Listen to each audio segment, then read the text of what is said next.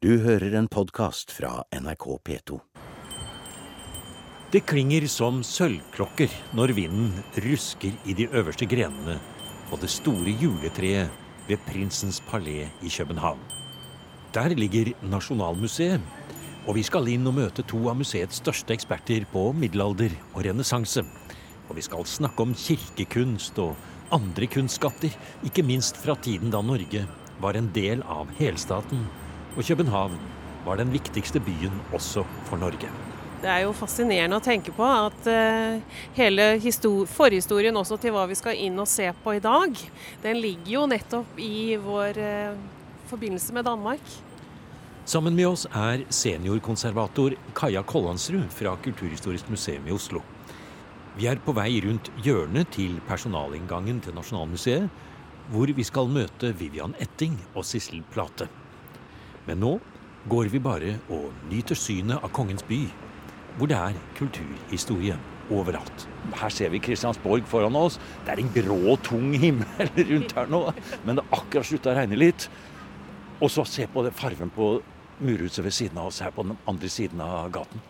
Ja, det er jo så vakkert. For det er sånn eh, Det er, en, det er jo en veldig ordentlig fasade, for det er, det er, jo skikkelig kalkmaling dette, så den eldes jo så vakkert med at den slites ned på, av vær og vind.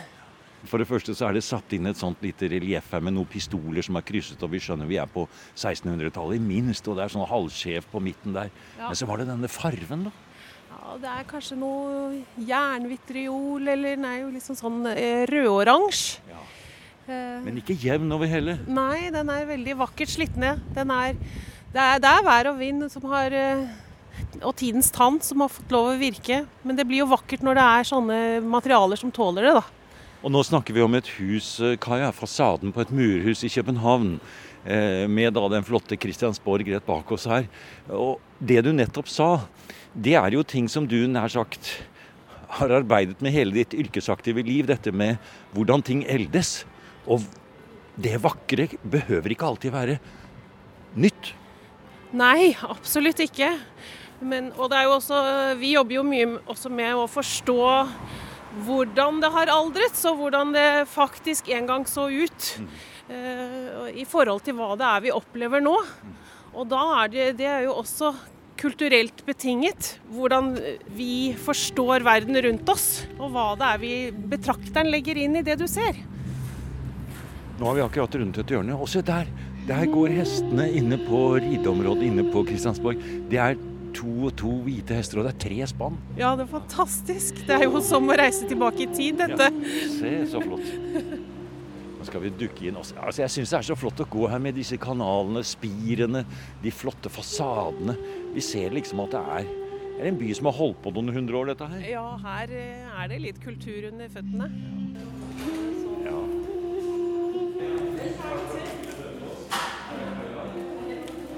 Museumsinspektør Vivian Etting møter oss nede i borggården og tar oss med inn i labyrinten av ganger og kontorer som utgjør denne delen av prinsens palé.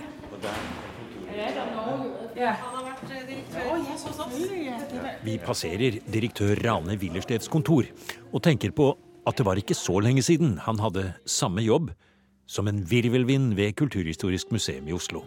Men i dette programmet skal vi mye lenger tilbake i tid. Se hvem vi kommer mot der. Det er da ikke Margrethe?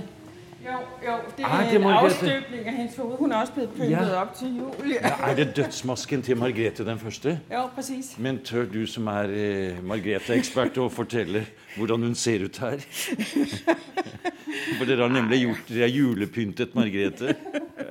Det er en flott krone, da. Det kan vi si. Ja, det, ja, ja. Skal vi se nesen av? Ja, nesen er kanskje Ja, det, det var en klovnenese du tar. Vivian Etting er bl.a. ekspert på dronning Margrethe den første, vår nær sagt felles dronning, og som grunnla Kalmarunionen, starten på det mer enn 400 år lange samboerskapet mellom Norge og Danmark. En av de tingene de to landene hadde felles, var oldssakene, antikvitetene og de historiske kildene som på 1600-tallet ble tatt med inn i kong Fredrik 3.s raritetskabinett. Ja, Vi står ved det eldste kunstkammerkatalog fra 1696 Fantastisk bok. Museum Regium Catalogus. For en flott bok. Ja, og der er jo også mange av de, de norske ting jeg kan si. Det er, det, er alle mulige ting fra ja, i virkeligheten misfoster og egyptiske sarkofager. Og der er krokodillen. Og udstoppede krokodiller og myresluer. Ja. Og, og øh, Ja, og der kan I se en lille vignett her øverst, og der, der er det norske øh, biskop Aslak Bolshorn, man kan se, der er her. Ved siden af et hoved fra Parthenonfrisen. Nei, nei, nei. nei, nei, nei. Her, der kan I se Olofs arm her på den anden. Det ser jo nesten ut som det er en beinbit. Ja, ja. Det må det være. ja. Så der er jo, og det var det vi så før, det det dere har gjenskapt. Det vi blar i, er selve katalogen over alle de mest utrolige gjenstander som var i kongens kunstkammer på slutten av 1600-tallet. En ekte renessansesamling som hadde alle mulige rariteter fra alle tenkelige områder av natur og kultur. Men det er ikke før i neste program, del to av denne reportasjen, at vi skal bli med Vivian Etting inn i en gjenskapt del av bl.a. Ole Worms samling. Da skal vi også høre om det enorme drikkehornet som kanskje ble brukt i Oslo i 1312, da dronning Eufemia og kong Haakon 5.s datter Ingebjørg giftet seg med sønnen til svenskekongen. En allianse som etter hvert la grunnlaget for hele Kalmarunionen. Men det er altså i Museum del to. Nå skal vi gå videre inn i samlingen i Nasjonalmuseet i København og finne fram til annet en flott treskulptur fra 1300-tallet av Sankt Olav, som kanskje kan ha vært en del av kongens kunstkammer. Og den som tar oss med inn i kirkekunstens middelalder- og renessanseavdeling, er en kunsthistoriker med norske aner. Museumsinspektør Sissel Plate. Så er vi inne i middelaldersamlingen. Se her. Og eh, her er noe av de mest fantastiske altertavler og alterbordsforsider fra middelalderen samlet. Og eh, mange av dem kommer fra Lolland Falster. Eh, der nede var det på 1800-tallet noen kloke mennesker. Eh, det vil si, det var faktisk adelige som eh, gjorde om kirkene sine. Og Istedenfor å hive tingene ut eller selge dem, så tok de og sendte dem til Nasjonalmuseet. Jeg har bl.a. fulgt en av Ja, altertavlene. kan vi gå opp og se på denne Ja. her. Og det, nå er vi altså i et rom hvor det er én, to, tre, fire, fem, seks Det er mange rundt hele, hele veggen her. Ja, det og det er- henger ting, og over oss så står jo Georg og dragen, og det er jo helt utrolig flott rom vi er i. Altså, dragen, det er jo bryggemann, Hans Bryggemanns eh, store drage, eh, som er kommet til oss fra Husum kirke, som ligger i Slesvig. Så da er vi syd for, for Sønderjylland. Eh, men den jeg ville vise dere, det var den ja, der. Å, se her. Og den, eh, den kommer fra en kirke nede på Lolland eh, som heter Gurreby. Eh, og eh, i midten så står det en eh, jomfru Maria med barnet. Men hun er ikke en hvilket som helst. Hun er den apokalyptiske madonna, dvs. Si den madonna som er i Johannes' åpenbaring. Ja. Og Kaja, når jeg ser på uttrykket i den madonnaen, er det Det er jo noe kjent her, holdt jeg på å si. I uttrykket, maleteknikken og farven i kinnene der og alt sammen. Ja, Den er jo dominert av dette gylne, da. Så den reflekterer jo lyset tilbake og eh, løfter det opp og ut av det vanlige. Eh, og hun er jo en veldig Hun har eplerød kinn, hun er jo en veldig frisk og ved god helse. Og, og hun fosser jo liksom litt frem mot den som står og, og, og ser på. Jeg tror simpelthen det har vært helt overjordisk. Eh, Det Forestill at man stiller levende lys på alteret foran den. Så er det jo i treskjærerarbeidet og i bakgrunnen så, så mange måter lyset kan reflektere på, eh, som nesten har gjort at disse her figurer har virket levende. Eh, og det har vært et overveldende syn for de her mennesker som har kommet til kirken. Og denne kirke det er altså en liten kirke nede på Lolland. Eh, så det er helt fantastisk at de har hatt råd til sånn en altertavle. Museumsinspektør Sissel Plate ved Nasjonalmuseet i København reiser mye rundt i Danmark og gir råd om hvordan kirkene skal ta vare på sin historiske arv. Annet kalkmalerier er et av Sissel Plates ekspertområder. Men nå er vi på vei til noen av de norske gjenstandene i renessanse- og middelaldersamlingen. Og vi skal snart se på Vatnås-skrinet fra Buskerud og en av de aller eldste St. Olavs-figurene museet har. Så kommer vi til den tidligste tiden av middelalderen. Ja, fantastisk. Men først stopper vi foran et gyllent alter. Fullstendig dekket av gullforgylte kobberplater med relieffer fra bibelske motiver. Det som er her, det er at vi både har tidlig middelalder ornamentikk, men vi har også vikingetids ornamentikk på den. Eh, spesielt innramningene på sidene og nedenunder, det er desidert eh, middelalder vikinget, eh, Vi, vikingetids vi tar et skritt nærmere bort her, til kanten her, og så ser vi ned på disse ornamentene ja, som vi følger. Ja, se her. Ja. Altså, vi- Hvis vi hadde funnet dem et annet sted, så hadde vi sagt det her er ren vikingtid. Eh, men eh, her er det altså på en kristen gjenstand. Eh, og eh, totalt integreret eh, i eh, alterbordsforsiden. Ja, hva, hva, hva, hva sier vi om det, da? Sissel? Dette med at to tanker kan løpe parallelt i samtiden. Det man tenker seg ved religionsskifter, er at man tar tvert avstand fra det gamle, men det gjør man vel kanskje ikke i virkelighetens verden? Det har man jo slett ikke gjort. Eh, Overhodet ikke. Eh, det beste eksempel det er jo eh, Unes kirke eh, innerst i Sognefjorden. Der har vi jo eh, ornamentikk eh, langs med dørene. Eh, og vi har på, på søylene inne og all, alle steder. Så man overtar fra tiden før, og så integrerer man det i, i sin samtid. Å, se her, nå går vi bak alteret. Har du sett?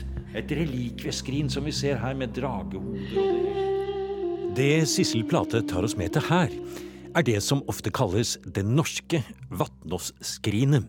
Kanskje hentet fra Sigdalen i Buskerud. Det ligner det flotte Filefjellskrinet som var med på utstillingen i Utrecht. Og det er stort, nesten en halv meter mellom dragehodene som pryder det forgylte skrinet. Som kanskje en gang har vært båret rundt i religiøse prosesjoner i en tidlig middelalderkirke i Buskerud. Ja, og det er både med dragehoder og med ornamentikk eh, som ligner eh, igjen eh, delvis eh, eh, vikingtid, men det er spesielt dragehodene. Og denne her eh, religieskrin her, som kommer fra Vatnås kirke, eh, og har vært i våre samlinger her på Nasjonalmuseet utrolig lenge. Eh, man daterer den til et sted mellom 1250 og 1300. Men det som er spennende med denne her, det er jo at det er presis samme teknikk som det er med de gylne altere. Vi har en trekjerne, og på den er det satt kobberplater eh, som er forgylte. Eh, og jeg sto her i går og kikket på den, og kikket ekstra på den. Og så la jeg merke til eh, at det er jo det.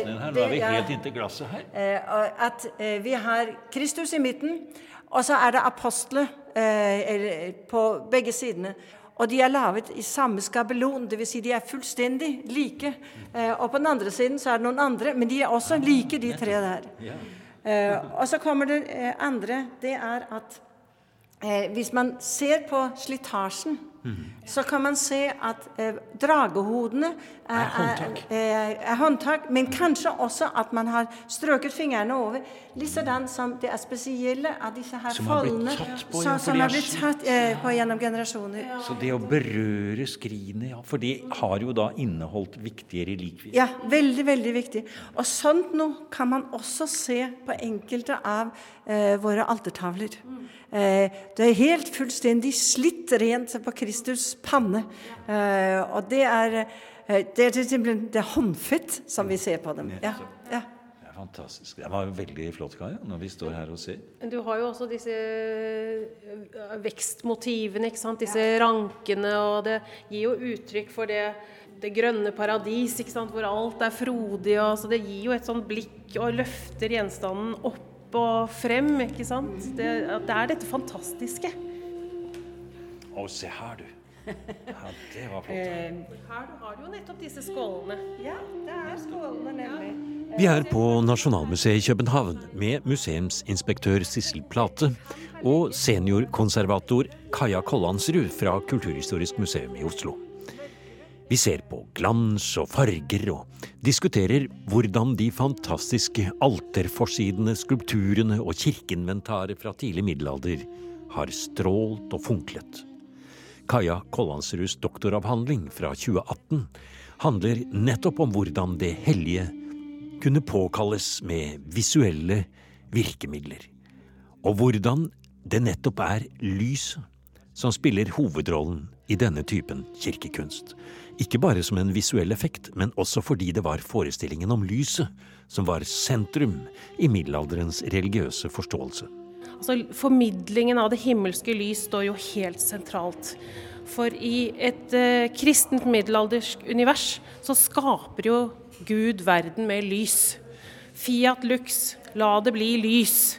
Og dermed så, eh, så, så kan man forklare hvordan dette sirkulære middelalderske universet blir, blir skapt ved at dette lyset utgår fra ett lys som blir ma masse lys som eksploderer og kondenserer og lager altså ti sånne sirkler hvor til slutt den, er det jorden som er igjen i midten. De fire elementene. Det, det kan ha ligget noe sølv i dem eh, som er dekomponert, så de er blitt eh, mørkere. Eh, men er Her har vi kommet fram til en alterforside med den dømmende Kristus som sitter på en regnbuetrone med hele stjernehimmelen bak seg. Ved siden av ham henger en treskulptur som vi skal avslutte denne første delen av programmet med. I del to skal vi vende tilbake til både relikvier, åpne og gjemt, og gjenfunnet i hodet på en Kristusfigur som skulle bli til ved. Og vi skal tilbake til raritetene i kongens kunstkammer. Men nå altså den dømmende Kristus på en regnbuetrone.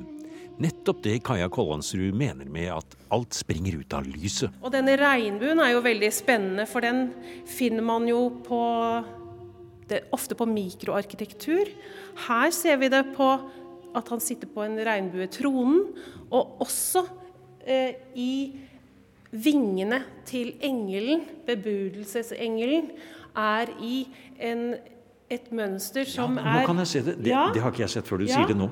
For det, altså i, på, på, på de norske eh, skulpturene så har du et motiv som, som, hvor det er en hvit midt, og så har du enten eh, grønt eller blått og rødt, som er da gradert inn mot en sånn hvit midte. Og det er altså en veldig vanlig måte å fremstille regnbuen på. Og regnbuelyset, altså det er jo også et, et lys, da. Så, så eh, regnbuen er jo i mange kulturer eh, broen til gudene. Og vi har jo i våre egne sagaer så har vi jo Bifrost, regnbuen. Og i Gylfaginning så er det, en, er det en historie med tre konger som kommer og spør om veien til gudene.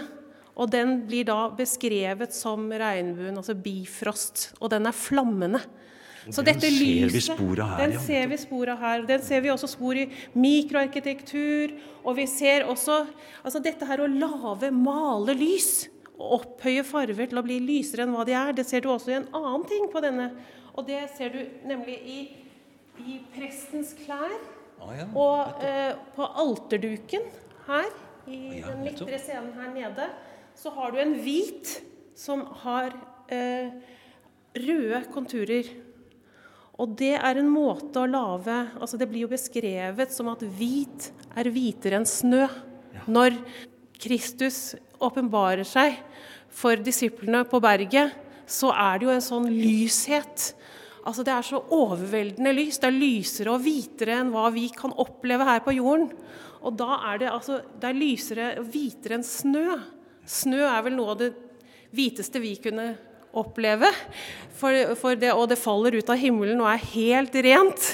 Eh, og her har man da opphøyd den hvite ved å lage en rød kontur, så det er en gnistrende, flammende hvit. da. Og farven i seg er jo også altså Materialene som er brukt, det er jo ikke noe som er gravd opp av bakken her. Det kommer jo langveisfra og er høy kvalitet. De bruker rene pigmenter. Det blandes ikke her, altså. Det, det så, så, det er et uh, veldig kraftfullt maleri, da. Men vi hørte det, Sissel, at flere ganger nå så snakket Kaja om på norske skulpturer, og da vendte hun blikket litt bort til høyre her. For der er det i hvert fall en norsk figur. Hvorvidt den er fra Norge, det vet ikke jeg, men det er jo altså da selveste den er også Ja, ja. Eh, hvis du kommer med her, så Dette her er eh, vår eh, Hellige Olav. Ja. Eh, og han kommer fra Tyldalen kirke ah. i, eh, i, Norge. Ja. Eh, den har et tidlig nummer. Ja. og Derfor er den kommet tidlig, men hvor tidlig? Det må man gå i protokollene for å undersøke. Eh, men la oss, la oss, se litt på denne Olavsfiguren vi ser. Han har selvfølgelig den eh, som han må ha, denne øksen som man ja. kjenner igjen, krone. Men så har han et veldig mildt og smilende ja, eh, han eh, ser nesten litt forbauset ut. Ja. eh, hans øyne de er helt åpne, eh, og han skuer liksom ut. Eh, og, det er nok fordi han har jo skulle sitte som en, eh, en alterutsmykning. antagelig på et sidealter.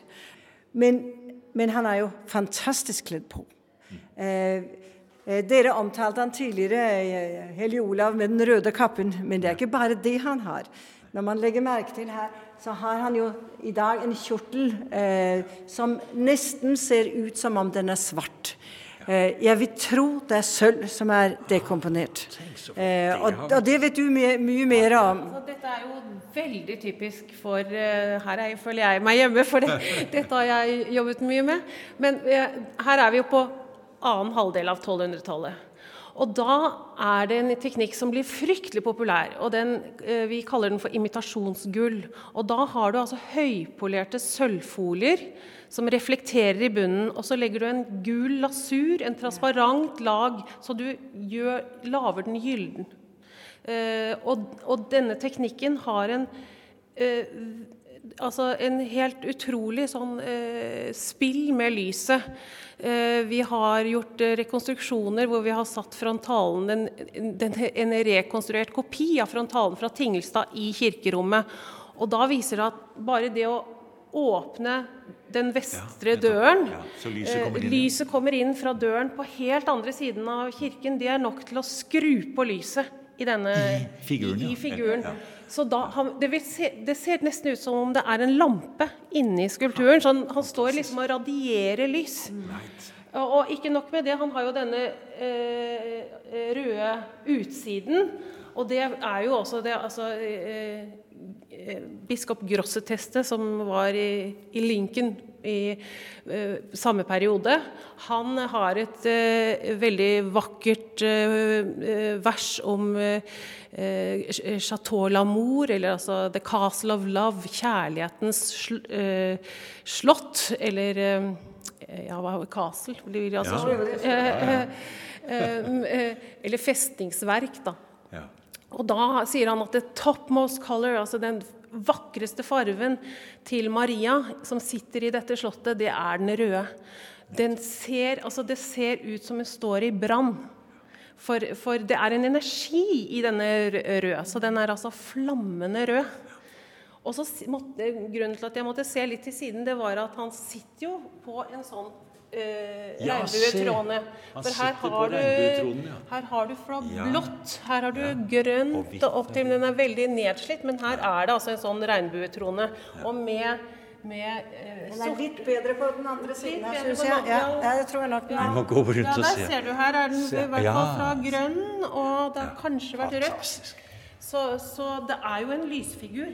Men jeg må jo si det du beskriver nå, Kaja, altså at den står inne i et dunkelt kirkerom, kanskje i en, et sidekapell, og så er det noen som åpner en dør, og så kommer det som Sissel sa, med denne kappen som er liksom bak hele figuren, plutselig begynner å skinne og funkle og lyse.